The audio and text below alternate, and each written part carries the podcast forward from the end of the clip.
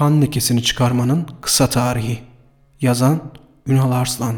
Bizim için değil ama çocuklar sizin için kötü olacak. Biz kuşları ve yeşillikleri çok gördük. Sizin için kötü olacak. Benden hikayesi. Sait Faik Abasıyanık Son Kuşlar. Sene 1972. Gökçekaya Hidroelektrik Santrali'nin açıldığı yıl. Olayların başladığı o ilk gün büyükannem mezradakilere toprak ana verdiklerini almaya geldi demişti. Bunun bir şifası, bir ilacı yoktur. Her şey olması gerektiği gibi başlayacak ve öyle de bitecek demişti. Ona göre olan biten her şey çoktan çizilmiş bir mukadderattan ibaretti. Bu laneti hak etmiştik ve sonuçlarına katlanmakla mükelleftik. Allah şahidim olsun ki her şey 6 gün içinde başlayıp bitmişti. Sadece 6 gün. Kimi için kısacık bir an, kimi için bir ömür demek. Kainatın yaratılması da 6 gün sürmemiş miydi? Kim bilir kıyamet de 6 gün içinde kopup bitecektir ya. Orasını ben bilemem. Bildiğim tek şey bizim mezranın kıyametinin 1 Mayıs'ta başlayıp 6 Mayıs'ta bittiğiydi. Ya da hepimiz öyle olmasını umuyorduk. Kurak geçen sonbahar ve kışın ardından erzak stokları gün geçtikçe erimiş ve mezra gitgide içi boş bir arı peteğine dönüşmüştü. Üstüne bir de şu lanet olası hastalık eklenince mezra halkı iyice aklını yitirmeye başlamıştı. Allah insana kaldıramayacağı yükü yüklemez ayetinin aksine mezra ahalisi son olaylarla yeis ve korku yükünün altında ezilmeye başlamıştı bile.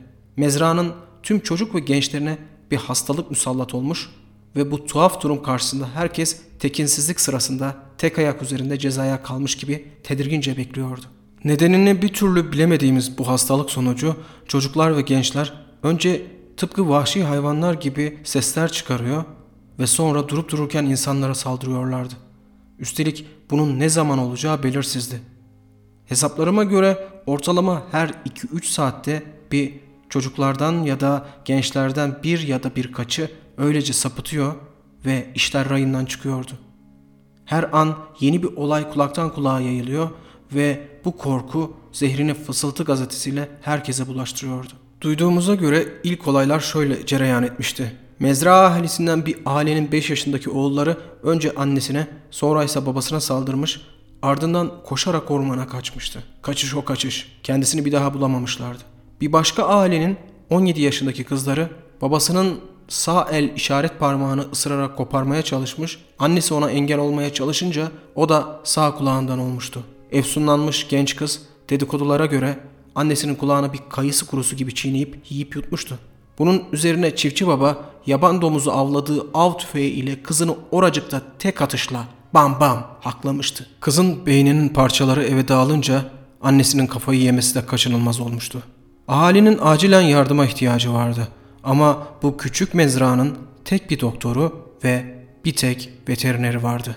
Dağların arasında mezra ahalisinin dediği gibi Allah'ın unuttuğu bu yer bir ovada konuşlanmıştı ve insanlıktan uzakta çiftçilikle geçimini sağlayan bir mezraydı.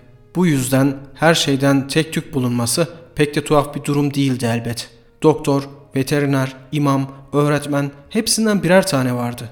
Yani anlayacağınız cimriliği tutmuş bunak bürokrasinin parmak hesabıyla memur gönderdiği bir mezraydı bizim mezramız. Elimizde sınırlı sayıda bulunan bu okumuş yazmış insanlardan medet umuyorduk. Bu yüzden ahali ilk doktorun kapısını çalmaya gitmişti.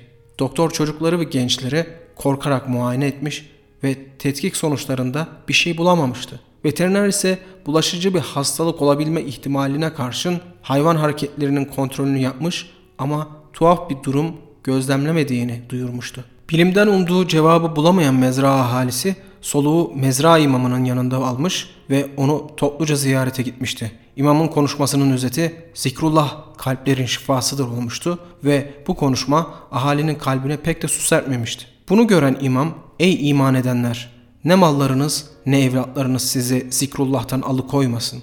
Kim bunu yaparsa işte onlar ziyana uğrayanlardır demişti demesine. Ama diğer taraftan ahalinin ateşine su serpmek için onların huyana da gitmesi gerektiğinin farkındaydı. Şimdiye kadar her türlü sorunu kimseden yardım almadan kendi başına çözmüş mezra halkı acilen karar vermesi gerektiğinin farkındaydı. Olayın bir başka tuhaf tarafı ise 18 yaşını dolduran kimse de bu hastalık görülmemişti. Başka bir deyişle hastalığa yakalananların hepsi 18 yaşından küçüktü. Allah'tan ben 3 ay farkla bu cenderede hedef tahtası olmaktan kurtulmuştum. İş böyle olunca mezrada hamile olan üç kadın korkudan ya da bilerek düşük yapmıştı. Babaannemin dediğine göre düşük yapan kadınlar soğan kabuğu ya da yabani çilek kaynatıp içmişlerdi. Ya da yün boyası. Bir diğer ihtimal karınlarının üzerine taş koymuş, un çuvalı kaldırmış ya da ip atlamış olabilirlerdi. Artık hafızası eskisi kadar iyi olmayan, arada adımı bile unutsa da babaannem bu işleri çok iyi bilirdi. O bir şey diyorsa vardır bir bildiği. Ben ne biliyorsam ondan öğrendim sayılır. Annem ve babam henüz ben çok küçükken öldükleri için babaannem beni büyütmüştü. Senelerce onun koca karı ilaçlarını nasıl hazırlayıp mezradakilere şifa dağıttığını gördüğüm için dediklerine tereddütsüz inanırım. Bence siz de inanın.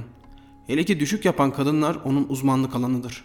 O üç kadın eğer böyle bir seçim yaptıysa da bence tuhaf karşılanmamalıydı.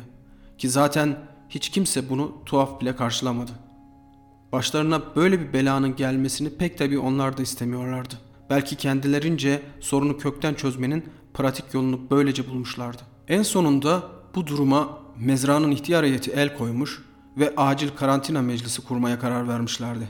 Azaların ve heyetin aldığı ilk karar mezranın öğretmeni gözetiminde tüm çocuk ve gençlerin mezrada bulunan tek okula yerleştirilmeleriydi.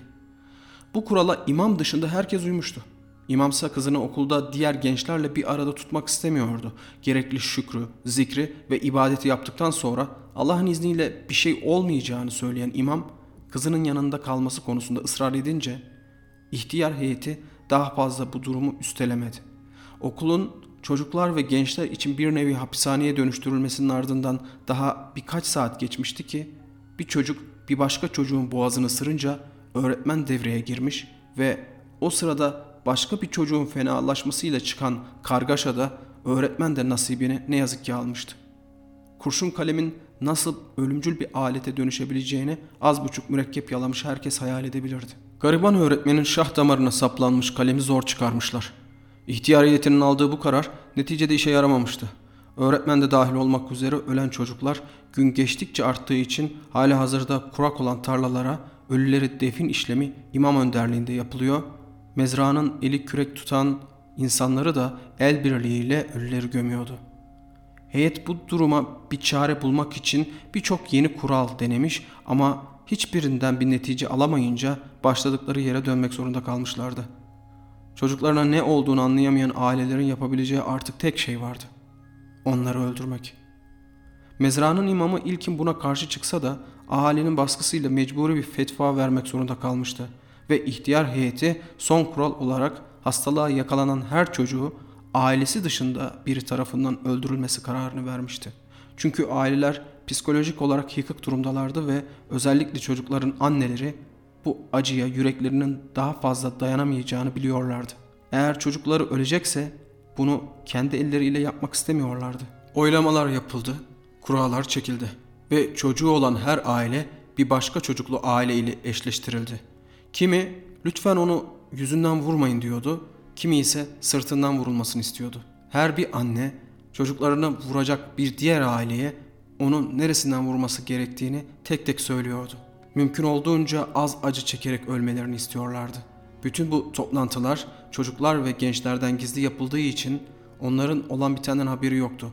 İmam yine oyun bozanlık edip bu kuraya da katılmak istemedi. Eğer çocuğumun ölmesi gerekiyorsa onu bizzat ben kurban etmek isterim diyerek eşleşmeye katılmadı. Oysa her yeni saatte mezrada yaşayan çocuk ve gençler bir bir yitip gidiyordu. Ölen arkadaşlarını gören çocuklar ağlıyor, anneler ağlıyor, babalarına ise onları gömmek kalıyordu. Tüm çocuk ve gençler ölüm sırasının ne zaman kendilerine geleceğini bilememenin şokuyla oldukları yere çömelmiş bekliyorlardı. Gözlerinde çoktan ölmüş olduklarını bilmenin umutsuzluğu vardı. Altıncı günün sonunda mezranın her yerini kesip bir kan kokusu sarmıştı. Mezranın tüm genç nüfusu öldürülmüş, kurak tarlalara gömülmüştü. Ama hala hayatta olan son bir genç vardı. 18 yaşından küçük son bir kişi. Allah'ın işi bu ya, yalnızca imamın kızı hayatta kalmıştı. İhtiyar heyeti ve mezra ahalisi imamın dediklerine kulak asmadıkları için çok pişmandılar. Onun sözlerine kulak vermedikleri için bunların olduğunu düşündüler. Kadınlar kocalarına beddua ediyordu. Niye imamın sözlerini dinlemedik diye hem ağlıyor hem ağıt yakıyorlardı. Hem imamdan helallik almak hem de mahcubiyetlerini dile getirmek için imamın evine ziyaret kararı almışlardı. İmamın evine giden yol misk çiçekleriyle doluydu. Anlaşılan çiçekler onların harap olmuş sinirlerini az biraz yatıştırmıştı. Tüm ahali bu yolu arşınlarken kutsal bir heyecanı da yanında taşıyordu. Ne de olsa imam kutsanmış bir şekilde bu lanetten kurtulmuştu. Bütün bu olup bitenler sonrasında herkes imamın ne diyeceğini merakla bekliyordu. Belki mezra ahalisine umutlu bir müjde verecekti. Sonunda herkes tesbihe dizilmiş hacılar gibi imamın bahçe kapısı önünde toplaştı. Bahçe kapısını açan ihtiyar heyetinin başkanıydı. Dolmuş bir şekilde kapının önünde duran ve ilerlemeyen adamı yürüsün diye çekiştirenler kan donduran manzarayı görünce öylece kilitlendiler. İmamın kızıyla göz göze gelmişti hepsi. Kızın ağzında ilkin ne olduğu anlaşılmayan bir et parçası vardı. Sonra anlaşıldı ki imamın kalbiydi kızın ağzındaki. Üstelik hala atıyordu. Taze bir imanı zikrediyordu belki kim bilir. Orasını da Allah bilir. Köy ahalisi ellerine aldıkları taş ve sopalarla kızı oracıkta öldürdüler. Tüm hırs ve öfkelerini kızdan alırcasına resmen onu recm ettiler. Artık mezrada ne çocuk ne de genç kalmıştı. İmamın salasını da müezzin verdi ve onu da kızının yanına kurak tarlaya gömdüler. Tüm bu olan bitenden sonra mezra halkı artık rahat bir şekilde korkusuzca uyuyabilirdi. Babaannemin dediğine göre mezra halkının başına gelen tüm bu olaylar hidroelektrik santralinin kurulmasına göz yumdukları için olmuştu. Kuruyan ağaçların, bitkilerin ve toprağın ahını aldılar demişti babaannem. Her şey bir döngü bu topraklarda. Her şey yeni başlıyor. Ama mezra halkı ona hiç inanmadı. Oysa birkaç ay sonra baharın gelişiyle birlikte kurak tarlalara ekilen ölü çocukların filiz vereceğini onlar henüz bilmiyorlar demişti bana. Bilmedikleri başka bir şeyse babaannemin dediğine göre okula erken başlamam için beni nüfusa bir yıl büyük yazdırmalarıydı. Allah'tan bunu sadece bir ben bir de o biliyordu. Ahali ise uyumaya devam ediyordu. Kan lekesini çıkarmanın kısa tarihi. Yazan Ünal Arslan